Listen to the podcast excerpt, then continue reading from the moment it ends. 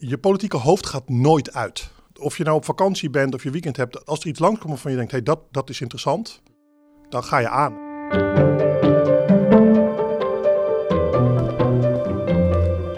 Laurens, Je kijkt een beetje om je heen met waar ben ik nou toch weer terechtgekomen? dit is niet de afspraak. Terwijl je dit gebouw wel kent, trouwens. Dit is het oude gebouw van Buitenlandse Zaken, BUSA, de Apenrots. En ik heb hier ooit als jong ventje stage gelopen op de afdeling Midden-Oosten. Ja, nou daar, daar zijn we nu niet, want uh, Buitenlandse Zaken is hier weg.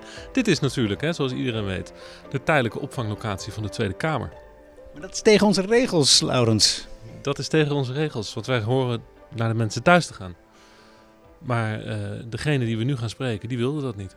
En wie heeft ons zover gekregen? Pieter Heerma, de fractievoorzitter van het CDA. Wel echt een hele goede reden hebben. Die heeft hij en die moet hij zelf maar even uitleggen hoe dat precies zit. Kijk, weet je, ik vind het toch wel heel belangrijk om met Pieter Heerma te spreken. Het is toch een van de sleutelfiguren in de huidige coalitie. Een partij die aan alle kanten onder druk staat. Uh, personele problemen gehad met Hoekstra, met de jongen, met Omtzigt. Uh, nu de, de, opstand van de boeren. Die partij is aan het verscheuren. En hij is een man, komt ja, uit de oude traditie van het CDA. De CDA als middenpartij, als volkspartij. En hij zit vol met in zijn hoofd hiermee te zwoegen. Dus het verhaal is goed genoeg om één keer een uitzondering te maken.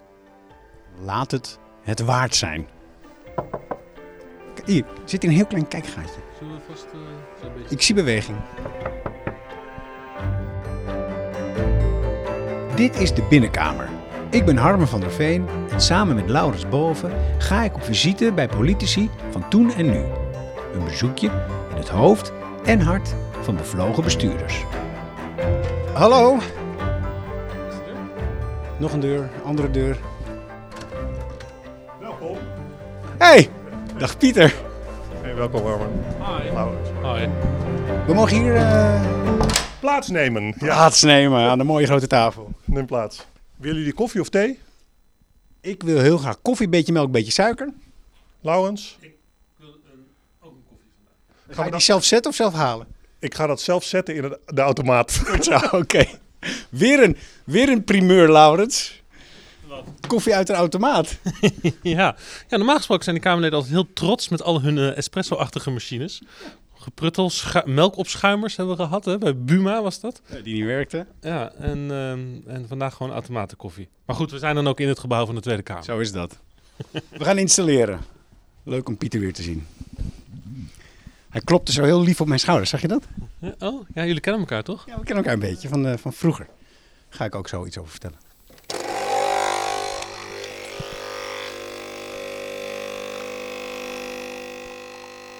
Wat was je aan het doen op het moment dat wij hier aanklopten? Ehm, ik was, ik had het net ook op tafel liggen, ik, was, ik had een oud rapport van ons wetenschappelijk instituut, waar ik in aan het bladeren was. En dat kwam omdat ik vanochtend de directeur van ons wetenschappelijk bureau, Pieter Jan Dijkman, op bezoek had. En daar raakte ik mee aan de praat. En dan op een gegeven moment gaat het over inhoud, dan gaat het over ideologie. En dat, zo gaat het meestal. Dan zegt ja, maar volgens mij hebben we een rapport geschreven toen en toen. En dan denk ik, oh, ken ik dat rapport? En dan, Mhm. nou, dan ga je het weer opsnorren. En toen had ik me na dat gesprek voorgenomen om dit weekend dat een rapport te gaan lezen. En ik had het niet in mijn kast staan. Ik heb vrij veel, maar ik had deze niet aan, dus ik heb hem uitgeprint. Dus dat, Wat is de titel van het rapport? Lang leven het verschil, weg met de fragmentatie. En dat is uit? Welk Ja. jaar? 2016 is dit rapport uit. Aha. En ehm, eh, ja, het gaat. het- ik, heb, ik, jullie, ik had het net uitgeprint voordat jullie kwamen, dus ik heb alleen even gebladerd. Maar het gaat over concepten als de diploma-democratie. En dus over de horizontale verzuiling. En wat wat, wat, wat, wat eh, liberale partijen kansenongelijkheid zullen, zullen noemen. Ehm, en ja, dus de, de, de, de, verschillen in de, in de samenleving. En dus waar je bed staat, bepaalt hoeveel kansen je hebt. Dan zitten we meteen, Pieter, al, al diep in de inhoud. Dus Ja. jij brengt jouw weekenden door met het lezen van oude rapporten. Ehm, de kans dat dat gebeurt is bovengemiddeld groot als ik vlak voor dat weekend een gesprek met Pieter Jan Dijkman gehad heb. Dat is waar. nee, dat is niet elk weekend zo. Maar dit is wel, Ja. het is wel zo dat ehm, ehm, het, eh, je politieke hoofd gaat nooit uit. En dat is soms ook vermoeiend. Maar of je nou op vakantie bent of je weekend hebt, als er iets langskomt waarvan je denkt, hey, dat, dat is interessant, Mhm. Dan ga je aan en dan ga je het lezen, dan ga je het opzoeken. En, Dat- en hoe lang heb je dat politieke hoofd al op, op deze romp zitten? Ehm, ja, dat is. eh, eh, d- dat, ja, dat, het eerlijke antwoord is denk ik altijd, maar dat er ook gradaties in zitten. Dus ik ben altijd al, en dat, dat is, bij ons is dat natuurlijk thuis ook met de paplepel ingehoven. Ik ben bovengemiddeld eh, geïnteresseerd geweest in politieke maatschappelijke vraagstukken en ook op een veel jongere leeftijd dan gemiddeld. Hoe jong? Nou Ja, bij ons aan de, bij, bij, mijn- mijn, mijn, mijn pa was al wethouder eh, eh, in Amsterdam vanaf het moment dat mijn allereerste jeugdherinneringen zijn. Dus als peuter kroop ik rond in wat tegenwoordig de Grand is. Want het is nu een. maar daar zat vroeger het stadhuis in, in Amsterdam. Op de oude zijds, hè? Precies. Oude zijds Voorburgwal.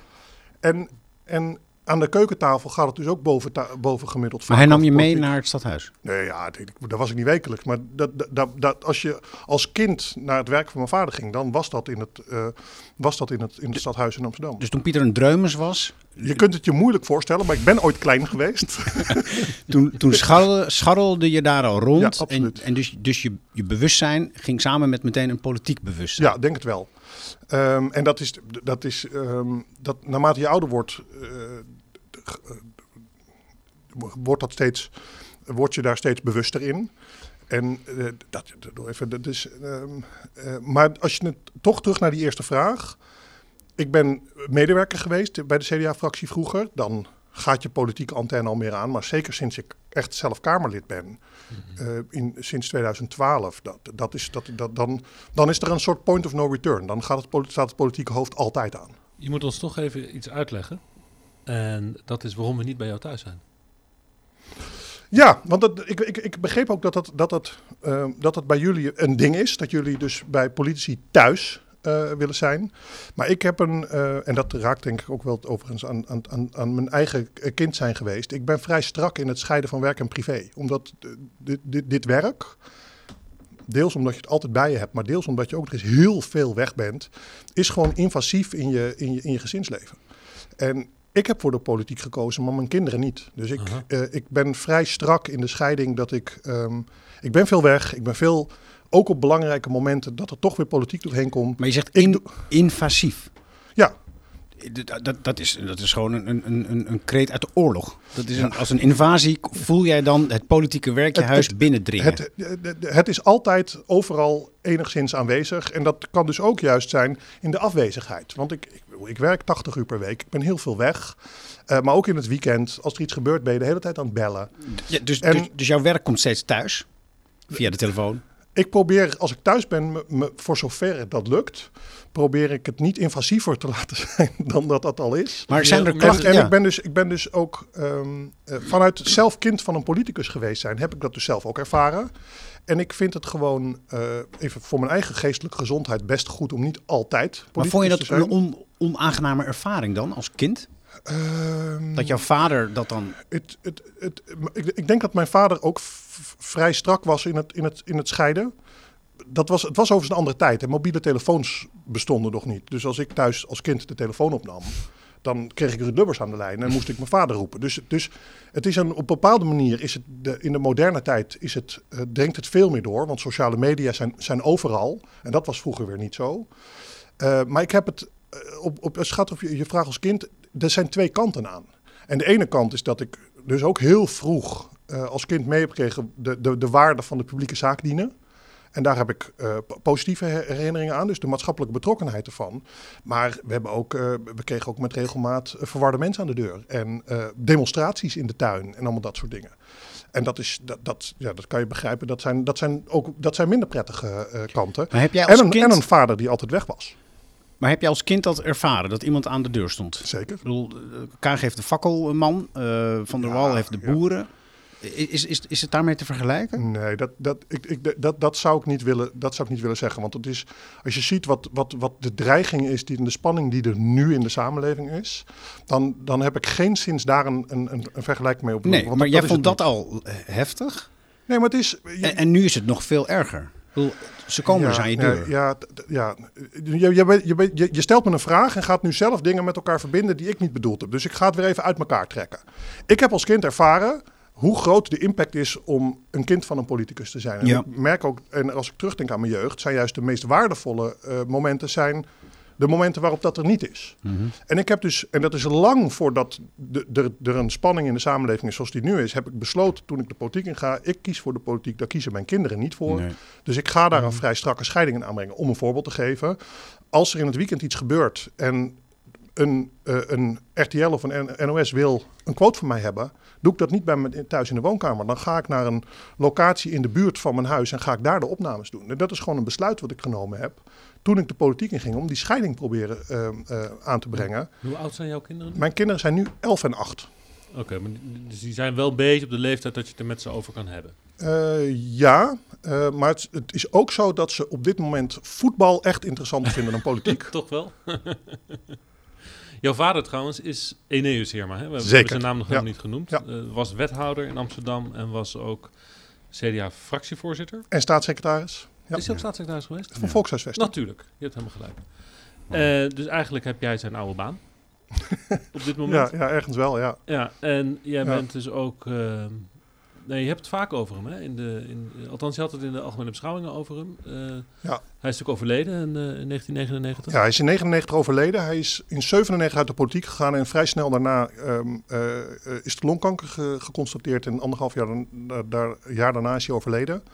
En de reden waarom ik hem vrij veel aanhaal, is de link juist met het staatssecretariaat. Omdat toen ik fractievoorzitter werd in 2019, was eh, het de probleem op de woningmarkt. En dus het besef dat er te veel woningmarkt en te weinig volkshuisvesting was, Hmm. was een van de onderwerpen waar ik het, het, het meest indook.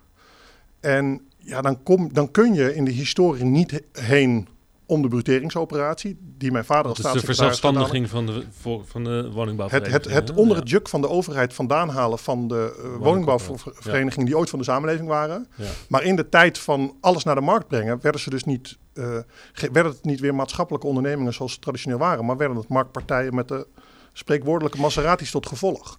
En toen heb ik, ehm, en ik heb ook in eerdere debatten eh, mijn vader wel aangehaald, want ik was woordvoerder sociale zaken. En als het dan over gezinsbeleid gaat, dan, dan komt het ook langs. Ja. Maar Ben je deze dan link, trots? Jazeker, ja. ja. En Hoewel de bruteringsoperatie is niet in zijn uitwerking iets waar, waar- waarvan ik denk, daarom ben ik dood. Het heeft niet, het, het, eh, eh, het, het, het heeft niet bereikt wat, wat, wat je zou willen dat Ja, jouw had. vader heeft de woningmarkt gecreëerd, hè? Ik zeg maar even kort door de bocht. En jij probeert hem weer op te heffen. Ja, dat is, dat is wat kort door de bocht. Maar de, eh, de tijdgeest van de jaren negentig en ook daarna eh, was er een van een, ehm, eh, van een terugtredende overheid van zelfredzame burgers. De departementen die als bedrijven gerund moesten worden. En alles moest naar de beurs gebracht worden en geliberaliseerd. Met trots bedoel ik overigens niet echt het beleid, eens of oneens, maar meer dat je over je vader mag en kan spreken. Ja, zeker. Ja. Ehm, en, dat, dat, en dat is ook met weemoed. Dat voelde ik net ook toen je naar, naar vraag. Want ik denk ook heel vaak, mijn vader is echt heel jong overleden. Dat was de tweede vraag van trots, want zou hij trots zijn? Eh, van- mijn moeder denkt van wel. Wat denk jij? Ja, ik hoop het. Ja, wat, wat, Ja, ehm, ik denk heel erg. Ja, dat, ja dat, dat, dat, ik weet niet. Ik denk overigens dat, dat dat voor heel veel mensen geldt. Dat het, dat het belangrijk is dat je ouders een beetje trots op je zijn. Zeker, maar bij jou En- vind ik het veel, veel, veel aanweziger. Als ik jou zie eh, via het scherm dan aan het werk, dan denk ik, het kan niet anders dan dat hij ook aan zijn vader denkt en, en dat hij dat hij door zijn ogen naar zichzelf Ja. kijkt. Van daar staat hij. Ik weet niet, ik weet niet of, het, of het zo direct is, want mijn moeder leeft nog. Gelukkig. En, en, en, die- en die volgt de politiek heel Ja. erg. Dus ehm, ehm, ik, ik denk dat ik nog eerder dan bezig ben als ik iets zou doen waarvan mijn moeder me zou sms'en. Wat ben jij nou aan het doen? Dat, dat, ik dat, dat ik me daar bewuster van ben. Dat Maar snap zeker, ik. zeker op het moment dat er, dat er grote. Nou, pak, pak zo'n volkshuisvesting. eh, de ontwikkelingen daarvan, hoe die woningmarkt helemaal ontspoord is. Ik weet sowieso, het is een feit dat de vorige generatie eh Herma iets meer verstand van, van dit eh, vraagstuk had dan ik. En ik heb zeker de laatste jaren heel vaak het gevoel, als hij nog zou leven, wat voor gesprekken zou ik er met haar over, Ja, over kunnen voeren. Dus het is, dat is een van- generatiegesprek ook. ook nog, ja. Maar dat, dat mis jij, want eh, mannen van onze leeftijd kunnen dat soort gesprekken vaak voeren met, met hun vaders. Ik kan dat bijvoorbeeld. Hij is ook van een andere generatie. Mijn vader is veel ouderwetser, komt van het CDA, is een CDA, zo moet ik het gewoon zeggen. heel goed. Zit nu veel meer wel in de PvdA-hoek. Maar daar heeft weer andere redenen. Maar dat gesprek Dat, kan ik dat- voeren dat, met dat, hem. dat heb jij weer ingebracht. Dat heb ik dan weer. Maar dat gesprek kan ik wel met hem Ja. aan. Mis jij dat dus met jouw vader? Ja, eh, ik, eh, ja, ja, toch wel. Maar ik, ik, ik heb die gesprekken met mijn moeder natuurlijk wel. Ja. Ehm, maar ik denk dat iedereen wiens, uh, wiens vader of moeder jong overleden is, dat, dat... En dat is niet permanent aanwezig, hè? Dus, dus, Nee. ik wilde niet iets melancholisch... Maar er zijn Nee. van die momenten waarop je, waarop je dat ervaart. En dan sta je dan, en dat is eigenlijk weer terug naar waar ik wel e- e- eerder al, over begon. Je was dus heel klein, al heel snel, was de politiek alom, alom aanwezig in jullie, in jullie gezin. Ehm, is het niet ook een soort van onvermijdelijke fuik waar je dan in zwemt? Van kan je ooit nog iets anders worden? Heb je daar eens over nagedacht eigenlijk? Het is sowieso niet een eh, onlosmakelijke fuik, want mijn broer en mijn zus zijn niet de politiek ingegaan. Ehm, en eh, ehm, zal maar zeggen, als ik, als ik denk aan, aan, aan mijn jeugd, en dat, is dan, dat overlapte deels met de periode dat, me, dat mijn vader in de politiek zat, maar ook toen hij ziek was en overleefd, had ik, had ik een heel ander denkbeeld in mijn hoofd. Ik was toen voornamelijk met sporten bezig, Ja. meer dan met studeren. Judo? Eh, eh, Judo. eh, en, maar ik, ik, ik, was, ik was politicologie gaan studeren met de, met de intentie om daarna een, een postdoctorale eh, studie. Of een, eh, aan de Erasmus Universiteit was dat toen journalistiek te gaan doen, omdat dat- ik wilde journalist worden. Dat we het even snappen in de tijd. Hè. We- wij- wij- Pieter, wij zijn even oud, allebei uit 77. Je hebt het nu over het eind jaren 90. Toen waren wij dus... midden jaren negentig. Ja. Ja, eh, dus wij waren allebei begin 20. eh, in die, ja, oh, ja, dus ja. jij was begin, jij was 22 toen je vader overleed, dus je zat op de universiteit Ja. in feite. Dat is de periode waarover je spreekt. Ja, maar, maar ook iets daarvoor. Dus, dus zal maar zeggen, half half, halverwege de jaren negentig, aan het einde van de middelbare school. Toen, dat is de periode waarin ik en erachter kwam dat ik iets beter kon judoën dan ik daarvoor dacht. Ehm, en, ehm, eh, en dat ik dus, ik, ik wilde journalist worden. En toen was het mijn moeder, eh, die zei, zou je niet een universitaire studie gaan doen? Dan kun je daarna altijd nog. En rond die tijd was er aan de Erasmus Universiteit, dus was er een, een, een, een journalistieke opleiding, ik geloof in een jaar, eh, na, voor dokter Andersen, om daarna de journalistiek te gaan doen. En dat, dat, dat, dat heeft heel lang op mijn prikbord in mijn kamer, heeft, daar, heeft dat gehangen. Van als ik klaar ben, ga ik, eh, eh, ga ik de journalistieke opleiding doen. Hey, En dus is het antwoord nee, het is niet, het is niet een soort van ehm, pre, pre- eh, eh, gepredestineerd pad richting de Nee. politiek geweest. nee. En waarom ben je dat niet gaan doen, journalist? Ehm, Dan hadden we misschien andersom gezeten. Ja, Pieter, want ik ben journalist maar, dan, maar dan is dit een ontboezeming aan jullie kant dat jullie eigenlijk ook wel de politiek in hadden gewild. Goeie Nou, vraag dat- aan jou. Dat heb ik. eh, ja, nee, dat. Kijk, eh, in die zin. ehm, Ik wil best even zo gedurende deze podcast heel even van stoel wisselen. nou, graag. Want eh, wij willen eigenlijk niet zozeer een interview als wel een gesprek. Ja. Hè, dus, Nee. dus de vragen vanaf de andere kant zijn ook welkom. Nee, kijk, ik heb, de- ik, ik heb ook politicologie gestudeerd. Ja, aan de VU, ik aan de UvA. Overigens, jij bent een studiegenoot van Harmen, hè? Want Wij zijn, een heeft... jaar, wij zijn een jaar Ja, we zitten al wat naar elkaar te knipogen, want Ja. we zaten bij elkaar in de collegebanken. Ja. Ik achter zijn brede rug. Pieter zat graag vooraan om goed te luisteren. Mhm. Ik zat iets meer achteraan, haalde ook wat lagere cijfers. Ja. Eh, maar ik ben journalist geworden en hij niet. Ja, en ik studeerde dus in diezelfde jaren ehm, eh, onder andere politicologie aan de, aan de UvA. Bij Oer Becker. Ja. Nou, die naam zegt me zo niks. Eh, de- wel bij Kees van der Pijl. Eh, die was eh, zeer links. Zo'n rode dasje, ja. Maar wij hadden boeken nu van Ik heb de- overigens ook nog bij de- zit nu in ik de Café Welsmerts Ik heb, eh, ook, ik, heb, kringen. ik, heb, ik heb ook nog een, eh, een tijdje bij de UvA rondgelopen, Oké. overigens. Maar, aan de- bij de oude Manhuispoort. Ja, exact. en dan zit je weer begin, begin, Ja. begin van deze Nou ja, en ik heb toen in die tijd, ik was ook wel politiek actief, en ik heb toen in die tijd eh, natuurlijk ook heel erg zitten worstelen met van, eh, ligt mijn toekomst in de journalistiek of in de, in, in, de, in de politiek of in de politieke wereld? Maar jij had wel eh, Kamerlid. Of, maar jij zou wel volksvertegenwoordiger willen worden soms. Oh, dat is wel een tijdje geweest. Ja, dat ik, eh, dat je ik, ben wel eens heel, ik ben wel eens heel boos geweest op Rutte. Eh, want Rutte die, die, die krijgt wel eens de vraag zo van wat wil je worden toen je 12 wilde je toen al premier worden en zo. En dan maakt hij dat soort, dan maakt hij altijd een grapje van. Zegt van nou als je, het is wel een beetje raar om als je 12 bent dat je dan premier wil worden. En ik vond het een belediging voor Maar jij mijzelf, wilde want dat. Ja. ik was zo'n jongetje die toen hij 12 was premier wilde worden. Kabinet En boven één. ik had op de, op de, in, in toen mijn ik 12 familie was- en op de basisschool allemaal discussies over politiek. Toen ik 12 was, wilde ik denk ik archeoloog worden. Maar dat was vooral omdat ik Indiana Jones eh, hele spannende films vond. Ja, Ja. want het, Maar- arche- maar- archeologie is een heel Zal ik maar spannend... zeggen, eh, de- bij mij het echt de eerste serieuze vak wat, ik, wat, wat mijn interesse had, waarvan ik dacht dat zou ik willen worden, was journalist. Maar waarom heb je daar En- niet voor gekozen? Dit, dit is, ehm, alles is. Alles is uiteindelijk samenloop van omstandigheden.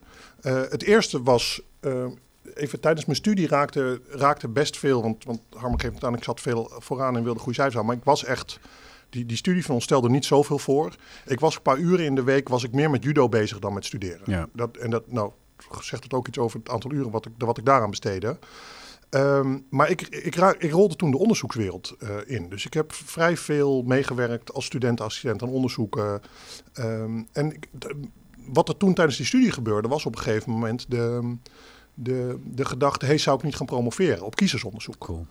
En daar ben ik dus uh, ben ik ingerold. Dus ik heb denk ik de tweede helft van mijn studie. En nou, dit is ook de periode over waarin eerst mijn vader ziek werd en toen mijn toenmalige vriendin, mijn huidige vrouw, ook ziek werd. Dus ik heb daar Mhm. in die ziekteperiodes wat studievertraging opgeleverd. Maar in die periode ben ik nooit weggaan bij de universiteit. Maar ik ben vooral betaald als student onderzoek gaan doen. Je ik, terwijl ik ook. Nee, want dan komt het tweede spoor. Mijn vader heeft vlak voordat hij stopte als fractievoorzitter, had hij Jack de Vries aangenomen als zijn voorlichter. En die Jack de Vries, die dus uiteindelijk niet voor mijn vader ging werken, maar voor Jaap de Hoop Scheffer, die kwam in die periode, dus eind jaren negentig, kwam die vrij veel bij ons thuis. Of één keer in de zoveel tijd kwam die bij ons thuis.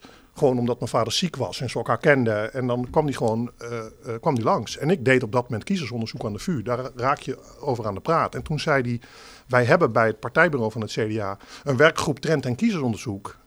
Zou je het niet leuk vinden om daar eens aan te haken? Leuk. Hm. En toen ben ik dus in die tweede uh, deel van mijn studie, waarin door een kapotte knie en een kapotte schouder het judo langzaam maar zeker naar uh, niet meer top, topsportniveau ging, was ik dus en met onderzoek bezig en raakte ik uh, ja, als vrijwilliger in werkgroepen ja. bij het CDA betrokken. En, um, en het, zo, zo in 2001, toen ik mijn studie bijna af had en ik met die zware bevalling van een scriptie bezig was, dat, wat denk ik velen hebben ervaren, dat dat het lastigste stuk van je studie is. Um, daar, daar ben ik gesneuveld. Jij bent daar gesneuveld. Nou, ik, ik, ik heb heel wat, wat, wat nachten doorgewerkt ja. en soms huilend op de bedrand gezeten, maar uiteindelijk was het, was het klaar. maar ik, ik stond toen dus voor de mogelijkheid om of te gaan promoveren aan de VU. Ja. Of, en toen kwam dus het CDA terug, hey, de campagne voor 2002 komt eraan. We hebben een, een, een, een ik geloof dat een tien maands contract kreeg, wat ik toen als 23 jaar geworden. En toen, toen was mijn gedachte, interessant. Ik kan tien, dagen, tien maanden in het hart van de democratie kijken tijdens een campagne. En daarna kan, kan ik, ik altijd nog wel promoveren. Ja. ja. En van het een komt het ander en nu ben je En fractievoorzitter en, en- en toen- je kan en altijd geen- nog een keer en, promoveren. En, en geen journalist en niet gepromoveerd. ja. ja, zo gaat het dan hè. Ja, maar dat kan altijd nog als je met pensioen gaat een keer. telefoon stoort weer, sorry. Ik, ik doe hem maar toch maar even helemaal uit de buurt. Ja, ik ben, ik, zal, zal ik hem gewoon uitzetten? Maar Ja. ik, hij staat op zich op flight mode. Doe maar helemaal uit. Eh, zet. Zal ik even opstaan en even mijn telefoon ook op flight mode gaan zitten, ondanks dat hij in eentje weg ligt? Doe maar. Dit, dit, deze kamer doet spannende dingen. Zo, We staan op vliegmodus. Ja. Oké, ehm, we gaan vliegen. dat is een beetje een, een lastige onderbreking. Ja, sorry, maar... Eh, een van de redenen, Pieter, waarom ik niet eh, voor de politiek heb gekozen, is omdat ik eh, onafhankelijk wilde blijven. Ook in mijn hoofd en in, de, in mijn werk en in de dingen die ik doe. En ik had het idee, ik ben in als journalist, dat is een van de beroepen waar je misschien het meest onafhankelijk kan blijven in je werk, die je kan voorstellen. Dat is ik en mijn verhaal. En eh, in, een, in een politieke partij, dat, dat leek mij toch uiteindelijk heel erg een plek waar je uiteindelijk ja, ook gewoon de, de hiërarchie moet volgen. En, en, en er dingen gebeuren die je niet wil en die je toch moet doen. En wat is je Ehm, vraag dan? Eh, Heb jij daar geen Dit is, last een van? dit is jouw reflectie in of ik mijn reflectie daar tegenaan was. Zo begrijp ik het. Nou ja. Ehm, ik, ik ben, en dat, dit, dit is niet kritiek, ik ben niet zo individualistisch. Mhm. Dus ik ben, een, ik ben een familiemens en ik ben van eh, samen met een groep dingen tot stand brengen. En dat, dat eh, zelfs, in, zelf- zelfs in judo, wat een individuele sport is, maar ook basketbal. Ik vind dat teamgevoel, dat vind ik iets fijns. En dat betekent dus dat je, eh, dat daarin geldt, dat, dat, geldt in elke groep, dat je uiteindelijk niet totaal onafhankelijk zelf kan doen wat je, wat je wil. Maar je bent onderdeel van een, van een groter geheel. Dat zit, dat zit in mijn aard. Mhm. Ehm, en daarnaast geldt, en dat, dat, ja, dat, is, dat appel valt niet ver van de boom met de paplepel ingegoten. Het CDA-gedachtegoed, de, deze manier van denken, het DNA van het CDA zit zo diep in me verankerd dat, ehm, eh, dat d- d- in de kern dat voor mij niet, niet, een- niet een worsteling is. Als je mij s'nachts wakker schudt en iets voorhoudt, dan is de kans dat er een CDA-antwoord uitkomt best groot. Mhm. En, eh, en in de combinatie van die twee dingen is het, vind ik het niet ingewikkeld. Maar Dus je kan jezelf in een, in een eh, deel maken van een collectief. Intellectueel en ook in je, in je werk. Ehm, ja, co- co- co- collect- collectief weet ik niet of dat woord. eh, Ik, ik, ik, ben een, ik, ik gedij het best in een, in een, in een groep. Eh, ik, ik ben. En je ik, ik vind samenwerken vind ik, vind ik iets fijns. En dat je Mhm. daarbij dus nooit niet in alles je, je zin kan krijgen. Ja. Wat overigens in het normale leven ook niet zo is. Nee, dat is zeker Eh, waar. Ik vind het trouwens heel interessant dat je, dat je mijn bespiegeling, dat je daar het woord individualist Ja, nee, op- daarom sta ik erbij dat ik het niet Ja, als maar dat is beleving doe. mooi. Maar, ik wil graag heel onafhankelijk zijn. Daar, zit iets individualistisch in. Ja, is interessant dat je het zegt. Daar moet ik eens over nadenken. Maar dat, dat ga ik zelf doen en dat ho- hoef ik jou verder niet bij lastig te vallen. Ehm, eh, Je mag er wel altijd over komen praten. Nou, dat vind ik wel vriendelijk. Drinken we nog eens een keer een kopje koffie. Hoe dan ook, dat idee van, eh, zoals jij nu jouw werk en, en, en je behoefte aan, aan, een, aan een club of aan een eh, vereniging in het CDA dan beschrijft. Als ik dan even een hele grote sprong maak, dan moet het jou wel pijn doen wat er nu de afgelopen jaren met het CDA is gebeurd. Dat Helemaal omdat je het woord familie ook Ja. in de mond neemt. Ja. Laten we beginnen bij gewoon het sneuvelen van familieleden. Die je dus kwijtraakt. Pieter Omtzigt, die dus, die Ja. dus uit die familie is ge- gevallen. ik, eh, de, ehm, sowieso geldt dat, dat als het. En dit is overigens. De, de, de parallel is met de politiek nog wel, eh, nog wel, nog wel breder ook. Maar dat die, die afgelopen jaren. Waarin dat familiegevoel dan weg, weggeeft en mensen tegenover elkaar komen staan. Nou, je kunt het, er is een heel rapport geschreven eh, door eh, Lisbeth Spies, het rapport Spies. Dat, dat, dat, dat, dat, dat, dat, dat, dat, komt bij mij heel diep binnen, dat klopt. Mhm. Alleen om hem dan nog breder te trekken. Als je ziet naar de staat waar de politiek nu in zit, daar heb ik datzelfde gevoel. Dat, dat, daar, daar heb ik echt wel leed van. Dat, Ja, nou, daar komen we dan zo op. Maar misschien eerst even het CDA. Want da- da- daar ben je natuurlijk zelf ook Ja. eh, bij betrokken. En ook deels verantwoordelijk natuurlijk voor hoe het, hoe het gaat bij het CDA. Waarom lukt het dan niet om, om, dat, om, die familie bij elkaar te houden? Ehm, ja, daarvoor geldt dat rapport Spies is nogal een vrij dik rapport. Dat, dat, dat, dat gaat op een gegeven moment, en ik denk ook trouwens, dat heb ik ook wel gezegd, dat corona daar ook nog doorheen speelt. Want het was ook nog eens dat deze. ehm, ehm, eh, dat, mensen tegenover elkaar konden, eh, kwamen te staan, was ook nog in de polariserende tijd van, van corona, waarin mensen elkaar niet fysiek zagen, maar digitaal. En ik geloof dat Spies zegt dat op een gegeven moment te veel mensen eh, eh, met, meer met zichzelf bezig waren dan met, dan, dan met het geheel. Maar nu, En daarin is, is dat misgegaan. maar nu ja. citeer je uit het rapport. ja. Maar ik zie ook een hele diepe zucht door je lijf gaan, nu we dit onderwerp aansnijden. Wat, wat, als je citeert uit jezelf eigenlijk, wat, wat vind jij, want je zei, dit doet, ik voel, ik voel pijn. Ja. Dit, doet, eh, dit is gewoon een Ja. soort leed. Ja, dat is zo, ja. Wat, wat, wat, wat, wat tref ik daaraan als je, als je daar in naar binnen kijkt? Ehm, ik denk dat dat, dat, dat tw- tweeledig is. Eh, te- ten eerste, vanuit dat, dat, dat, dat, ehm, ehm, eh, dat onderdeel dat ik graag in een groep functioneer, is, Ja. de- is het feit dat in zo'n groep mensen tegenover elkaar kunnen staan, komen te staan, eh, mensen niet meer tot elkaar kunnen komen. Dat, dat is in, vind ik intrinsiek vervelend. Dus, eh, maar daarbij geldt, en, en dat is dan, dat raakt dan weer aan je diepere motivatie om de politiek in te gaan.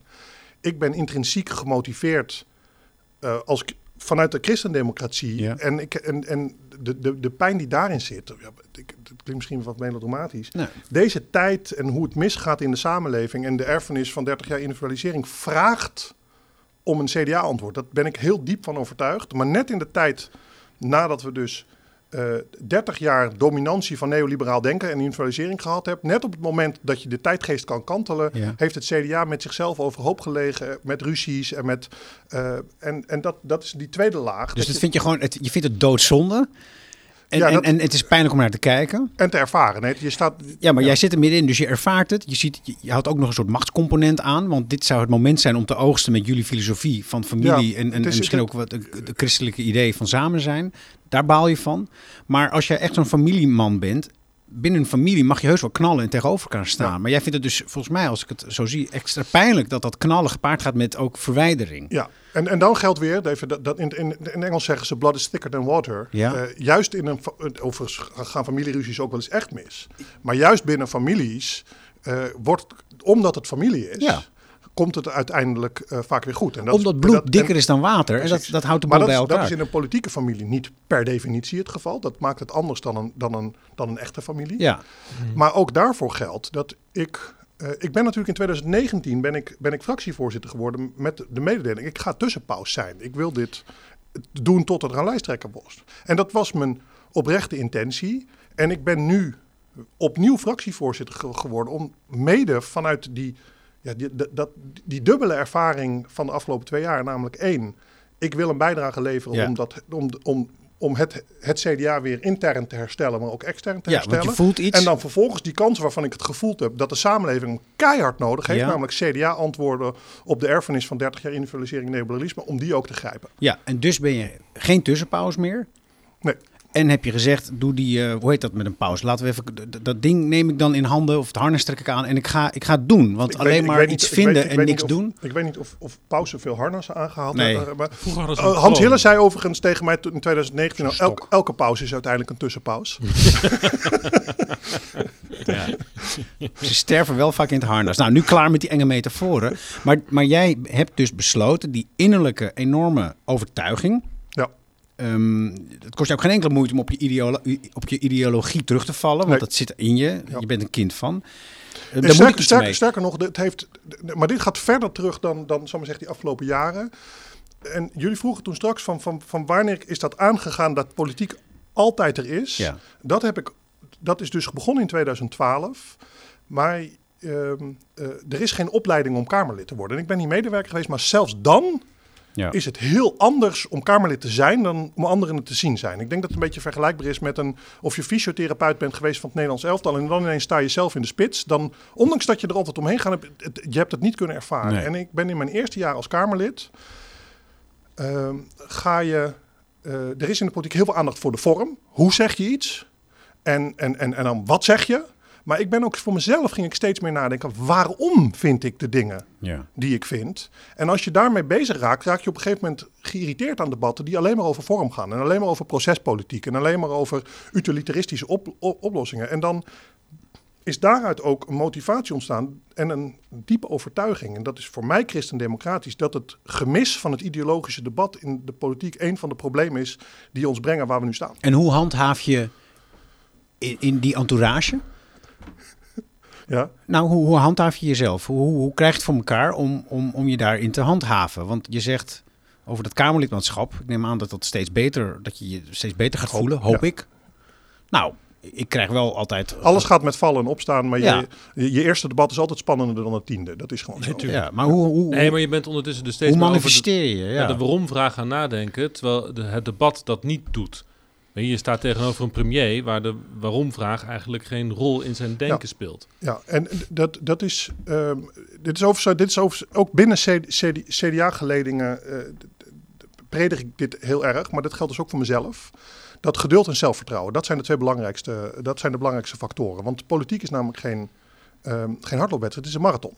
En iedereen die denkt, ik kom binnen en binnen een half jaar of binnen een jaar of zelfs in drie jaar heb ik alles veranderd, dat is, dat is kansloos. Dus ik weet wat ik wil, waarom ik het wil.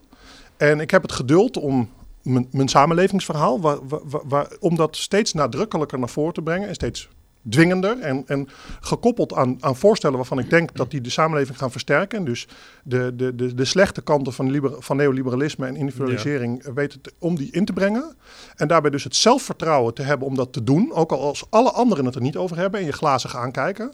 Ehm, en het geduld om te beseffen dat wat de erfenis is van 30 jaar te veel marktdenken, te veel nieuw public, eh, public Ja. management denken, dat dat ook heel veel jaren kost om dat te Ja, kenteren. maar In het besef dat half Nederland erom schreeuwt, omdat iedereen inmiddels ziet wat de, wat de erfenis is Ja, van wat we precies. 30 jaar lang Oké, gedaan nee, sure. hebben. duidelijk. Maar dan lopen we hier je gang op. Eh, en er zit aan het begin van de gang, heeft Caroline van der Plas van BBB haar kamer. En ik geloof ergens anders op deze etage, of misschien één etage hoger, eh, zit Pieter Omzicht met zijn kamer. En ik denk dat als wij met hun in een inhoudelijk gesprek voeren, dat ze het ongeveer hetzelfde vertellen als, als jij over de, de, de spanning die er zit in de samenleving, neoliberalisme, marktdenken en het vertrouwen van de. Nee, maar Ik, dat, dat, dat, dat- en toch is het, het zijn allebei scheuringen van jullie. Ja. Pieter Omzicht is weggescheurd en, eh, en, en, en, en Caroline van der Plas was vroeger ook een CDA'er. Dus, dus de- de- waar gaat dat dan mis? Waarom lukt het? het ik, ik, de, de, de- de- deze vraag heeft heel weinig te maken met wat ik net zei. is dat zo? Ja, Waarom want- vind je dat? Nou, omdat ehm, ehm, ehm, er gaan dingen mis. En we hebben het net gehad over binnen het CDA is het afgelopen jaar best veel misgegaan. ja. Eh, en het feit dat Pieter Omzicht ideologisch veel verwantschap met mij eh, toont, is niet zo gek, omdat we heel lang in dezelfde partij. Hetzelfde dezelfde- bloed. Dus dat is niet raar. En dat het dus eh, dat, dat het dat mis is gegaan, ik bedoel, los van het feit dat dat, dat dat maakt niet dat daarmee mijn mijn steeds sterker wordende overtuiging waar het in de samenleving misgegaan is. En de vraag was, waar haal je energie vandaan? Ja, dat, dat, heeft, dat heeft Nee, want volgens mij, volgens mij, ik wil dat even toelichten. Ja. Want volgens mij heeft het namelijk voor mensen die buiten het Binnenhof staan, juist wel heel veel met Oeh. elkaar te maken. Want die zien bijvoorbeeld Nee, even. maar, maar nu ga je. Nee, maar je- even- je, je, je, ik wil stelde maar een vraag er over zitten- mijn motivatie. Ja, ja, sure, maar en nu zitten- zeg je, in de perceptie kan het misgaan. En daar Nee, ben ik het mee eens. Ik wil het toelichten. In, in, in het parlement zitten misschien wel vijf, zes, zeven partijen die eigenlijk allemaal Partij van de Arbeid zijn. En eh, de, de, de buitenstaanders die verbijsteren zich erover dat eh bijeen, Denk, Volt, dat dat niet allemaal meer zoals het vroeger was in de jaren 70, 80 onder de grote eh, ik denk dat je. vlag. sorry, ik denk echt passen. dat je een intellectueel gebrekkige analyse maakt nu. Echt waar. Oké, Ehm, maar met permissie zou ik heel graag de vorige vraag iets willen over zeggen. En dan ga ik, eh, ga ik hierop terug. Want de vraag is. de- de- eh, je, je haalde namelijk de premier aan. ja. En, en, ik- dat, zit vanaf dat moment zit. En ik, ik wijd zelf te veel uit en daarom raken van het pad af. Dus excuus dat ik het even herneem. Maar het is bij de premier aan het veranderen. En dan kom ik dus weer bij dat, bij dat geduld en dat zelfvertrouwen uit. Ik heb twee jaar geleden voor het eerst gepleit. Dat was in dezelfde tijd dat ik ook vond dat volkshuisvesting terug op de politieke agenda moest komen. Dat lukte. Volkshuisvesting heeft iedereen het weer over inmiddels. Maar dat lukte met een ander pleidooi, namelijk dat de publiek-rechtelijke kant van de polder, dat de samenleving, de, zeg, de zeggingskracht in de samenleving terug moest, omdat op dit moment werkgevers en werknemers gereduceerd zijn tot lobbyclubs bij de centrale overheid, in plaats van dat ze zoals ze vroeger echt macht en invloed hadden. Dat viel helemaal dood in 2020. En tijdens de laatste algemene politieke beschouwingen ging Rutte erop in, haalde die oud erbij, kwam er een heel exposé dat de liberalen er nooit altijd tegen zijn en een halve erkenning dat er een historische vergissing gemaakt is. Dat, afge- dat het, en dan denk ik, hé, hey, ik heb beet. En dan ben je dus met dat geduld en zelfvertrouwen, kun je dus zelfs bij iemand die altijd prat gaat op dat hij geen visie wil hebben, ke- trek je hem ineens, trek je hem in een visiedebat. En in het besef dat er iets dus historisch fout gegaan is. Dus, dat, dus daarin, eh, zelfs met Rutte, kun je uiteindelijk met dat geduld en zelfvertrouwen kun je verder gaan, omdat hij ook ziet wat er mis is En gegaan. dat bewijst jouw theorie En dan, en, van geduld en zelfvertrouwen. dat- Het is voor mij geen theorie, het is onderdeel van de motivatie. Ik, Ja, maar als dit, ik- ik- maar dit vind je hoopgevend, dat Ja. je Rutte dus de, naar ja, en, maar ik ben hier dus ook heel resultaatgericht in. Ik, Ja. ik, elke onderhandeling die ik doe, elk grote debat die ik doe, is, heb ik dingen op mijn lijstje staan van die samenlevingsagenda waar ik stappen verder op wil, wil Ja. zetten. En dan waarom ik denk dat je een gebrekkige intellectuele analyse maakt. Ik denk dat, ehm, eh, dat ligt hier achter me, John Rawls. Ik denk Ah. dat er veel meer partijen in het parlement zijn en vooral parlementariërs in ons parlement zijn. The Wheel of Innocence. The Veil of Ignorance, dat hebben wij ook samen Ja, daarom. Dit is eh, een studieboek van onze eh, vroeger. Ja, hebben, we- hebben we acht weken college over gehad, hè, over het ene boek. Ja, ik vond het prachtig. Ja, je- maar dat je- is, dat is deel van het probleem. Eh, Bijna alle parlementariërs, maar dat is niet alleen in, in Nederland zo, de, zijn een vorm van sociaal liberalisme gaan aanhangen. Een vorm waarbij eh, de individuele vrijheid eh, moest zo groot mogelijk zijn. In de sociaaldemocratie is er ook de derde weg, een afslag genomen naar het individu moet totaal vrij zijn. Ja. En de staat zorgt voor de rechtvaardigheid. En dat is een, een manier van denken geworden die door heel veel partijen heen is gaan lopen. In die tijdgeest, ook in mijn partij, eh, de VVD, in D66, GroenLinks, PvdA. Ik ben een van de debatten waar ik, ik zat in een debat over de weerbare democratie, waar deelnemers van links tot rechts zeiden dat John Rawls is eigenlijk mijn inspiratie in de politiek. En dan vervaagt alles tot een soort staatsliberalisme. Ja. En dat is wat je heel veel eh, hebt gezien in het parlement. En dat is ook wat in het debat nog steeds heel veel gepredikt wordt.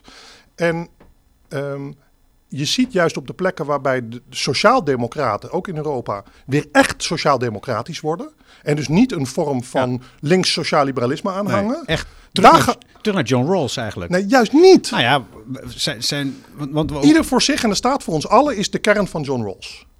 Het is een, het is een liberaal boek. Alleen het, ja, nou, je moet het toch nog maar eens herlezen. ja, het is, bij Het is mij een liberaal eh, boek waar de, waar in de, waar de, waar de, waar de liberalisme, iedereen is vrij om zijn eigen belang na te streven. Je, hoeft je, geen, je, je mag heel rijk worden. Maar was hij het- niet, hij was, hij, hij was van die, van die, van die Ja, sluier. De en- Schleier des Nichtwissens noemen ze het in ja, Duits. ja, en maar ook waar je wieg staat zou er niet toe moeten doen. Ehm, Ja. en, en, en, oh, maar dat wordt dan vertaald in eh, vechten. Zijn, zijn, zijn, zijn oplossing is dat iedereen zijn totale individuele geluk en belang na mag streven, want de overheid zorgt voor rechtvaardigheid. Ja, oké. Ja, en ik ja. wil niks afdoen, want de zoektocht naar wat rechtvaardig is, is prima.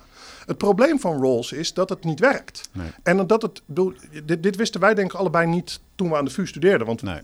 maar Rawls is de meest invloedrijke politieke filosoof van de, van de 20e eeuw. Die werd in deze periode dat wij studeerden als een lijst gemaakt. Wat zijn de grootste denkers uit de geschiedenis? Dan was het Plato op één, John Rawls op twee en dan kwam Aristoteles ook kwam dan op drie. En is, de- hij is dus zo invloedrijk dit denken, ieder voor zich in de staat voor ons allen. Daar is een deel hij is een deel van de rechtvaardiging voor het neo- neoliberale systeem waar we na de val van de muur eh, nooit in terecht zijn gekomen. En dat is de dominante stroming in de politiek gekomen. En waar ik naartoe ging, de plekken waar de sociaaldemocraten weer echt ideologisch sociaaldemocratisch zijn en dus juist niet John Rawls. Ja. Maar ook christendemocratische partijen, waartoe zijn wij op aarde? Ehm, daar zie je dat die partijen A, het beter gaan doen, maar belangrijker, ik ben ervan overtuigd, en dat vind ik, ik ben, ik ben niet van de staatsoplossingen van de sociaaldemocratie, ik ben van samenlevingsoplossingen, want daar ben ik een christendemocraat.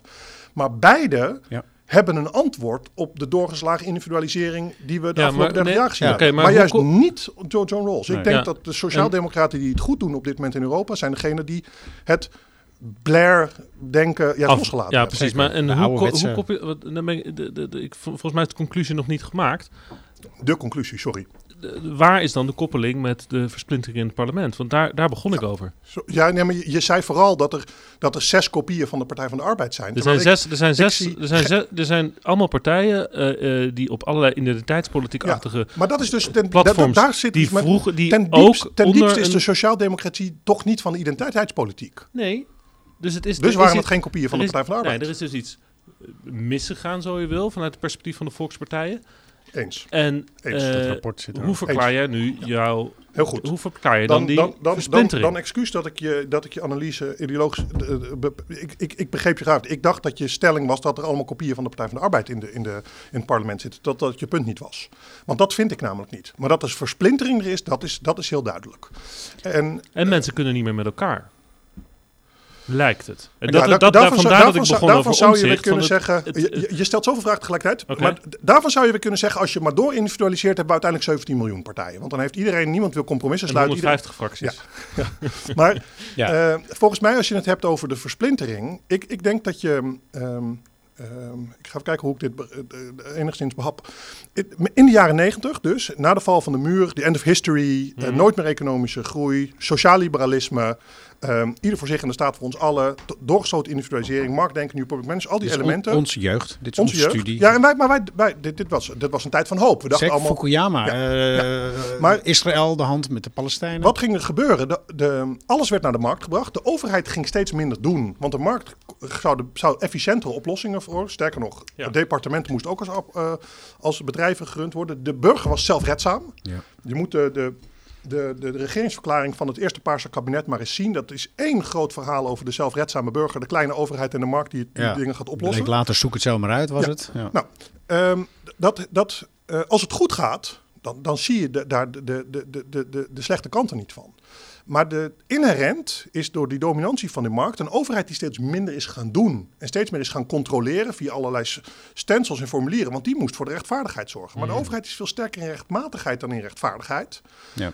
En dan krijg je dus een samenleving die steeds meer versplintert, waar allerlei eh, instituties die wij hadden van de samenleving, voor omvangnetten en om voor elkaar te zorgen, die versplinteren ook in individualisering. Die markt brengt geen rechtvaardigheid en geen moraal, want kent van alles de prijs, maar van niets de waarde. En die overheid gaat steeds meer handelen in wantrouwen en kan steeds minder daadwerkelijk voor elkaar krijgen. Ja. En dan krijg je Ja. een combinatie van grote urgente problemen, een overheid die vooral technocratisch sterk is en een samenleving waar steeds meer spanning in komt. En daar heeft corona denk ik een, een enorme katalyserend effect over gehad. Over niet alleen in Nederland. Dit is een vraagstuk wat in alle westerse democratieën speelt. Ja. En het, Je gaat op een tempo trouwens die ik fascinerend vind met, eh, met, met, een, met een soort schets van, van, Ja, maar dat is van, het. van, van Daarom hoe het land dat- in elkaar steekt en hoe de, s- de economie en de samenleving functioneert. Je vindt het Ik- tempo een beetje laag, denk ik, of niet? Wat, wat, wat, wat, wat, wat, wat speelt zich allemaal af in je hoofd? Wat in mijn hoofd afspreekt is dat, ik, dat, ik, ehm, dat, dat, jij, dat je een hele complexe vraag stelt die gaat over hoe heeft, heeft 30 jaar een verkeerde dominantie in onze samenleving. Want markt, overheid en samenleving hebben altijd in balans met elkaar gestaan. Alleen Ja, de markt is zo ja. dominant geweest dat het individu inmiddels, de samenleving is te veel gemarginaliseerd. En het individu krijgt inmiddels van de, van de markt geen moraal en steeds zeker als je, als je tot, de, de, tot de, de, de, de, atlas van afgehaakt Nederland hoort, steeds minder. Ja. En de overheid krijg je juist steeds meer bureaucratie en wantrouwen van. Met de toeslagenaffaire als het, maar ook Groningen als, als de iconische voorbeelden. Maar het speelt veel breder. En ik weet dat het zo'n groot complex verhaal is dat ik denk, wat er in mijn hoofd gebeurt, hoe ga ik al deze elementen toch enigszins begrijpbaar en in een tijd dat, het, dat ik klaar ben voordat jij me gaat interromperen. Nou, maar dat doen we in de podcast doen we dat nauwelijks. Nee, maar het is- we zitten niet we bij hebben geen BNR haast, maar ik ben er, We ik ben ook er, niet in ik, ben er dus diep van overtuigd dat deze dingen met elkaar samenhangen. En Dus dat ook, de versplintering van de politiek heeft deze hele diepe wortel. Het heeft deze hele diepe wortel omdat ehm, zowel de, de, de individualisering als het cynisme, wat net als met corona nog veel groter geworden, die hangen met elkaar samen en die leiden tot steeds meer fragmentatie. En dat heeft ook weer bizarre consequenties in de politiek, want daarmee kom je dus in een soort vetocratie terecht, waarbij het steeds makkelijker wordt om geen meerderheden voor besluiten te krijgen. Ja. Dat, is, dat was de, de grap in 2017 volgens mij van de Speld, dat er een oppositieakkoord gesloten was, waarin alle partijen hadden besloten om geen coalitie te vormen. Iedereen de oppositie ging en ze vooral afsproken om elkaar vooral op de man aan te gaan vallen de komende Ja. periode. Daar wil ik, daar wil ik hem. En, in, ik, en, ik snap je en, en punt. pak dan Engeland. In Engeland eh, leidde dit in, in die Brexit-discussie tot de drie jaar lang Het, het niet vinden van een meerderheid voor welk besluit dan ook. Dan wil ik even, dan wil ik even terug naar, of terug, een ander punt, om ander, ander, ander perspectief Maar, om eh, dit probleem mag, aan mag, ik, want ik mocht ook vraag terugstellen. Eh, is, snappen jullie mijn analyse enigszins? Ja, ja. Of zeggen jullie, je lult me wat heer, maar het Nee, nee, nee, daar wil ik even op reageren. Oké, Het beeld wat jij schetst is dat wij aan de vooravond staan van hopelijk ook vanuit mijn perspectief de hergeboorte van de brede volkspartij. Ja, dit zien mensen niet, maar Ja. je wijst naar mij, je doet een soort high Oh, five. we, we staan op dit moment op een punt Ja. waarop we of een afslag kunnen nemen om de spiraal naar beneden om te buigen naar een weg naar boven. Of ja. Of je eindigt met de, de, de kapitoolbestorming in Amerika als het voorbeeld dat. van hoe het Ik ben het daarmee eens. En ik denk dat dit alleen maar kan door te stoppen met utilitarisme en, Ja. en procespolitiek en terug te gaan naar idea- idea- idealen en vanuit daar Oké. politiek te bedrijven. En Pieter. dat is wat ik hier elke dag probeer te doen. En ik, ik zie de, de, de, het vuur branden. Zo, in jouw borstkas. Ehm, en we staan aan de vooravond daarvan. Dan is het des te lastiger en moeilijker dat dat bloed waar jij het over had en geen water, dat dus die dat het CDA-familie dus dus er sprake is van van die versplintering. Dat rapport wat trouwens daar ligt, wat jij uit de kast moest halen, weet je nog op je stoel, dat gaat daar ook al over. Ja. En en en en en dat dat dat doet- dat dat vind ik zo verschrikkelijk pijnlijk dat, dat, Ja. dat we daar nu middenin zitten. En dat jij, ja, jij zit op de plek waar je echt wat kan doen. Ja. Wij zijn degene die daar heel veel vragen over stellen. Ja. Ik ben het geheel eens met je, met je Eh, eh, analyse. Dat is, dit is een goede vraag. Ehm, eh, want ik heb nu, ehm, en dan komt misschien ook weer dat, dat geduld en dat zelfvertrouwen eruit.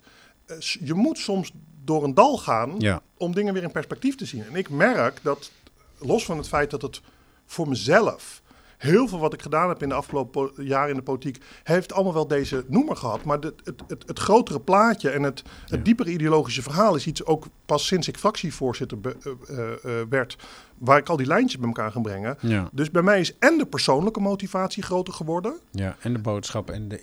En doordat we als CDA deze verschrikkelijke jaren gehad hebben, Ja. merk ik juist, en dan kom je toch weer op familie uit, als ik nu in CDA-zaaltjes ben, Ja. er is een enorme honger hiernaar. Ja. En die honger kent die tweezelfde kanten weer. Namelijk die CDA'ers zelf, en dit speelde overigens na de periode met de PVV 2010 ook. Toen, dat was ook een splijtswam geweest in de partij. Nou, Dan merk je dat de kracht, de krachten die dan toch, we horen bij elkaar, die, die, dat, dat, die honger is er. Ja. Maar die honger naar, dat, naar, dat, naar, naar die dieper liggende ideologie. En dat dat niet alleen de weg naar boven voor het CDA is. Maar ook een weg om, omhoog voor de samenleving en de politiek. Die wordt zo diep doorleefd in die Ja. CDA-zaal. Dus dat daarmee, juist vanuit die, vanuit die, die donkerdere periode, is die behoefte naar het licht zo groot. Dus Ja. ik voel meer tractie op mijn verhaal dan als we niet die donkere Nou, ik, ik ken wel een paar CDA'ers, eh, kiezers, die zich verweest en, en, en, en wat, wat, wat, wat achtergelaten voelen door het CDA. Door überhaupt een brede, brede volkspartij. Heb jij het idee dat die kans er weer is? Dat, dat, Ja. dat zo'n brede volksbeweging of partij, geeft een naam. Want ik weet ook dat heel veel mensen elkaar op dit vlak kunnen vinden in een toekomstige coalitie. Denk je dat die tijd aanstaande is? Ehm, eh, Kijk, het, is lastig om andere Ik, denk, ik denk dat, dat, dat gaan fuseren met GroenLinks bij de PvdA niet het antwoord erop is. Want dat is, GroenLinks is juist, juist wel een, een, linksliberale en meer Rawlsiaanse eh, eh, partij. Maar ik zie overal in Europa, en dat geldt voor christendemocraten, dat geldt voor sociaaldemocraten, misschien wat breder eh, conservatieve volkspartijen en, en, en sociaaldemocraten, Mhm. zie je op de plekken waar ehm, men teruggaat naar de ideologische roots. Ja. En, en voor ons is dat dus terug naar een echte Ja, een samenlevingsagenda. beetje de ouderwetse En dat is- boodschap. En dat is. ehm, niks ouderwets ja, het is. is. Het is eh, nou ja, nee, kijk, ik- wil niet terug naar de jaren 50, want dat is altijd wat je. Nee, maar we ze- je- ik de- merk nu bij bepaalde sociaaldemocraten En- dat die oude boodschap van Ja. Joop den Uyl, dat is, was zo gekker nog niet. Zeker. Alleen dan geldt weer. Zo bedoel ik ehm, het een beetje. Ik, ik, denk dus dat het, ik denk dus dat die behoefte er heel groot is, omdat de onrechtvaardigheden in de samenleving en wat er misgegaan is en waarom de kritiek op de overheid. Even het, het, het Remkes van de week, die zijn stik, dat was een, dat was een gigantisch sociaal, eh, CDA-verhaal wat hij daar aan het, ver- aan het ver- vertellen was. Er zitten en en en, maar dat het. Met, ik wil altijd weer veel te veel zeggen. Ik ben sinds ik hier fractievoorzitter ben, voer ik zomergesprekken. En wat, ik, wat zomergesprekken, juli en augustus zijn de enige maanden dat het relatief rustig is in de politiek. Als je geen corona hebt of een andere crisis. Dan heb ik eh, hier nou, snel 100 mensen langs. Van jong, oud, links, rechts, politiek actief, wetenschappers. Mensen die juist met, met uitvoering op een dossier bezig zijn. Om daar met de deur dicht, en ik citeer er dus ook nooit uit. Het is een Chatham House Rules. Gehoor hoe zij naar de samenleving kijken. En al die mensen allemaal komen allemaal al sinds 2019 met diezelfde analyse. Het lijkt heel erg goed te gaan met ons, maar eigenlijk gaat het helemaal niet zo goed. Want er is, er is, de tweedeling is te groot te komen, we zijn te individualiseerd geraakt, de, de samenleving is te veel geërodeerd. En dat is een analyse die van links tot rechts gedeeld wordt. Ja. Dit, is, dit is het makkelijke deel. Ja, want niemand stemt op die partijen die, die er hier Nee, een antwoord op Ja, nee, maar even. Je, je, je, je, je ideologische overtuiging is niet afhankelijk van de peiling. Dus ik kijk niet naar de peiling en denk, oh, nu sta ik goed in de peiling, nu is mijn ideologische... te- Ik voel dit diep van binnen. En ik ben ervan overtuigd dat als we dit gaan doen, het goed is voor de samenleving en het land en dat uiteindelijk we er ook meer zetels gaan over gaan uithalen. Maar dat is de volgorde. Het is niet de peilingen en dan wat vind ik inhoudelijk eigenlijk. Ehm, de oplossingenkant, die verschillen weer heel erg. Ja. Want dat, jullie vertelden toen straks dat, dat, dat, in de, in, dat jullie een podcast met Sylvana hadden, waarin ze, waar ze naar mij... Zij eh, in een debat blijkt dan een Sylvana Simons, maar ook de SP. Er is, de SP kijkt altijd heel erg verbijsterd als ik dingen zeg die ik vind, omdat er soms dingen bij zitten die zij ook vinden. Ja. Alleen de oplossingenkant, daar zijn de verschillen weer groot. ja, maar dat kan je Want samen oplossen in een mooie coalitie. Je eh. kunt sowieso iets in ons mooie coalitie, dan Ja. zul je dingen moeten oplossen. Maar ik geloof niet dat, dat. Ik geloof dat in die dominantie van roles. Is de samenleving helemaal verdwenen. Juist door zijn veil of ignorance. De samenleving wordt ge- weggemarginaliseerd achter die veil of ignorance. Die doet er niet toe. En dan krijg je een dichotome keuze. Het is markt of het is staat. En ik geloof dus diep dat het sociaal-democratisch antwoord. dat het helpt om de marktdominantie, maar het is de, de, de, sta, de markt verplaatsen voor de staat gaat de oplossing niet binden. We hebben er, dat, dat is mijn diepe overtuiging. En we moeten die samenleving dus weer versterken. En dan denk ik dat ik met die politici die een deel van dezelfde analyse maken. Denk, ik denk dat Pieter Omzicht overigens in de oplossingen weer wel heel erg het, het, eh, het op zelfsoortige zaken uitkomt dan ik. Maar veel van anderen die deze analyse delen. Want het is, het is niet te missen hoe het neoliberalisme en het individualisme Nee. hebben huisgehouden 30 jaar lang. En het heeft ook veel opgeleverd. Maar de, de, de schade die het gedaan heeft, de kosten, die worden steeds zichtbaarder. En zijn een drijver achter de omgekeerde vlaggen die we, die we in Nederland nu overal Ja, er is nu behoefte aan, aan een mooie, eenvoudige boodschap. En ik zoek dus naar andere antwoorden dan, dan, dan veel meer linkse politici. Die denken dat het staat en nu alles weer nationaliseren, dat dat de oplossing is.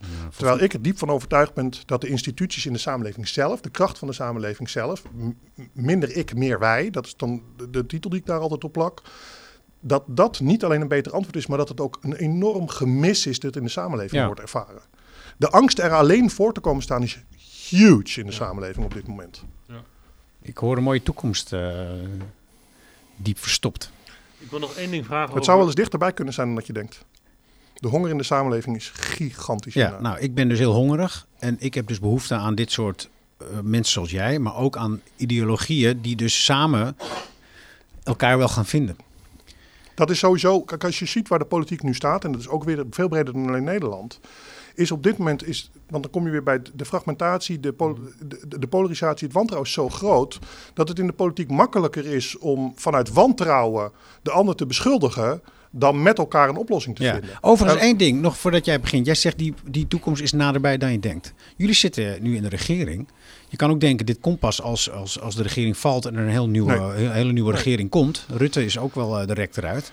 Zou je bereid zijn om dit kabinet op te blazen om die nieuwe toekomst wat dichterbij te brengen en wat Ik- sneller? Ik, ik, denk, ik denk dat je analyse niet klopt. Want een, een, deel van de problemen die we hebben komen juist door, eh, door gevallen kabinetten, ellenlange formaties. Eh, dat, dat schuift meestal. eh, Wat, wat, waar, ik op zit, is dat is waarom ik dat toen straks zei. Elke onderhandeling die ik doe, elk debat wat ik doe, probeer ik deze samenlevingsagenda weer een stapje verder, ver- verder te En je brengen. hebt heel veel onderhandeld. Nou, en, en, en niet. Zit jij dan ook zo aan tafel tijdens die onderhandelingen, zoals je bij ons zit? Dat, dat vind ik een heel leuk beeld. Ik ben- snap ik ben- wel waarom het een jaar geduurd heeft. Ja, ik zag je altijd wel lopen met je mapje. wat ben jij breedsprakig? Nee. Ja, ik, ik zag je altijd Nee, lopen met je ook mapje, in- maar nu ook- snap ik waarom. Ook, ook in onderhandelingen komt ideologie wel eens op tafel. Maar wat ik, hier, wat ik hiermee bedoel ook, is... ehm, soms moet je zaadjes voor iets planten waarvan het, het, ehm, het, het effect niet direct zichtbaar is. Toen ik, dus. toen ik, Geduld dus. ja, maar geduld is met, wel altijd met je, met je, met je ogen op, de- op, op de kim. Hmm. Toen ik in 2019 over volkshuisvesting begon, toen werd dat wel opgeschreven. Maar er was niemand die groot de voorpagina van de krant zet... volkshuisvesting is terug van nooit weg geweest. Ja, En tegelijkertijd, nu drie jaar later... Ja, niemand brandt zich meer aan het woord markt. eh. En, en, en, en pak nu even waar ik, onderwerp waar ik nu mee bezig ben. Ik noemde die, die, die, die, die PBO's. Ik denk dat heel veel mensen denken, PBO-structuur, publiek-rechtelijke polder, waar gaat dit over? Omdat we het allemaal vergeten zijn. Ja. Maar zodra het er weer is, dan zul je de effecten ervan zien. En dat geldt bijvoorbeeld ook voor burgerberaden. Dat is er ook zo eentje. We hebben jarenlang is het discours geweest hier een politieke vernieuwing moet komen vanuit referenda. Want dat zou de burger weer invloed geven. Dat is kletskoek. Ja. Een referendum is een soort noodrem waarbij de nee-vraag doorgaans wint van, van, van de ja-vraag. Terwijl een burgerberaad, en er zijn tal van landen waar daar gigantisch mooie voorbeelden van zijn, waarin je juist je moet dus een brede selectie van mensen hebben, hoog, laag, opgeleid, jong, oud, verschillende gezintes, die bij elkaar komen, die problemen beter weten op te lossen met elkaar Ja. dan hier in een gepolitiseerde arena. En dat is een versterking van de democratie waar ik echt in geloof, die dus de samenleving ook meer kracht geeft. Dit zit in de, eh, in de, in de, de wet op de maatschappelijke onderneming, dit zit in, eh, in de maatschappelijke diensttijd. Dat zijn allemaal dingen Ja. waarmee ik ideologische zaadjes plant die niet binnen een half jaar denk de wereld is veranderd. Maar uiteindelijk we de samenleving weer sterker gaan maken en het land weer iets mooier. Laurens wil nog wat zeggen. Nou ja, je hebt het in feite over eh, elkaar weer tegenkomen, over verbinding maken en over dat soort zaken.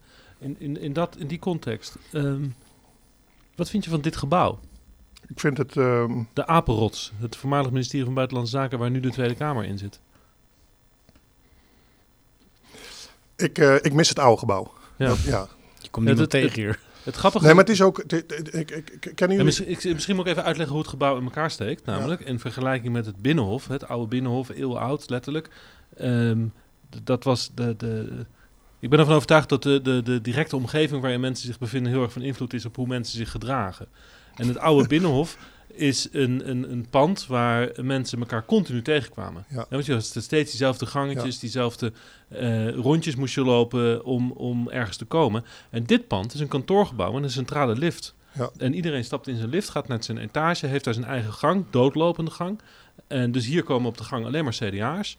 En volgens bij de Tweede Kamer, daar sta je dan te bekvechten in de plenaire zaal. En dan gaat ieder weer met zijn lift naar zijn eigen etage. Ik snap, ik snap je. eh, tegelijkertijd is de, de, de verruwing van omgangsvormen, de polarisatie en de, de narigheid in debat, was er in het oude pand ook al. Dus, dus, Mhm. dus ik, eh, ik, en ik, of de stelling of dit pand dat versterkt, dat, waar je naartoe lijkt, dat, dat durf ik niet te zeggen. Ik mis het oude pand. ehm, eh, ook gewoon omdat de, de- dat, dat waren gebouwen met historie. Dat had, dat had een, inderdaad, da- daar kwam je elkaar meer tegen. En ja, kijk, ik je, je, jullie, jullie zijn, je, je kunt hier niet rondkijken, maar ik heb het in dit gebouw, zo in zo'n kamer zit, ik heb het, het gevoel dat ik in een aflevering van Toren C zit. Dat, Ja, dat, is, Ja. dat, is, dat, is, dat is wat het. eh, ja, dat is niet best. Eh, en daar zit, maar daar zit dus ook wat, daar zit ook wat, wat, wat, wat, wat, wat, wat, wat soort van, van nostalgie-achtige gevoelens in. En dat, daar, daar kun je weinig mee. Ik heb ook, ook hier een, daar bijvoorbeeld een fo- foto van het oude pand hangen. Ehm, dus want ik, ik, ik mis het oude pand, dat mis ik. En tegelijkertijd, die verbouwing die gaat nog wel even duren. Dus de kans dat ik wel weer terugkom, overigens, voor de meeste mensen die hier rondlopen, is niet zo groot. Ehm, maar Geert ik, ik, Wilders, hè? wat zeg je? Alleen Geert Wilders zal terugkeren in het nieuwe Nou, pand. Kees van der Staaij misschien. En misschien Nou, Ariep niet. Ariep Maar niet. jij zei, ik heb geduld.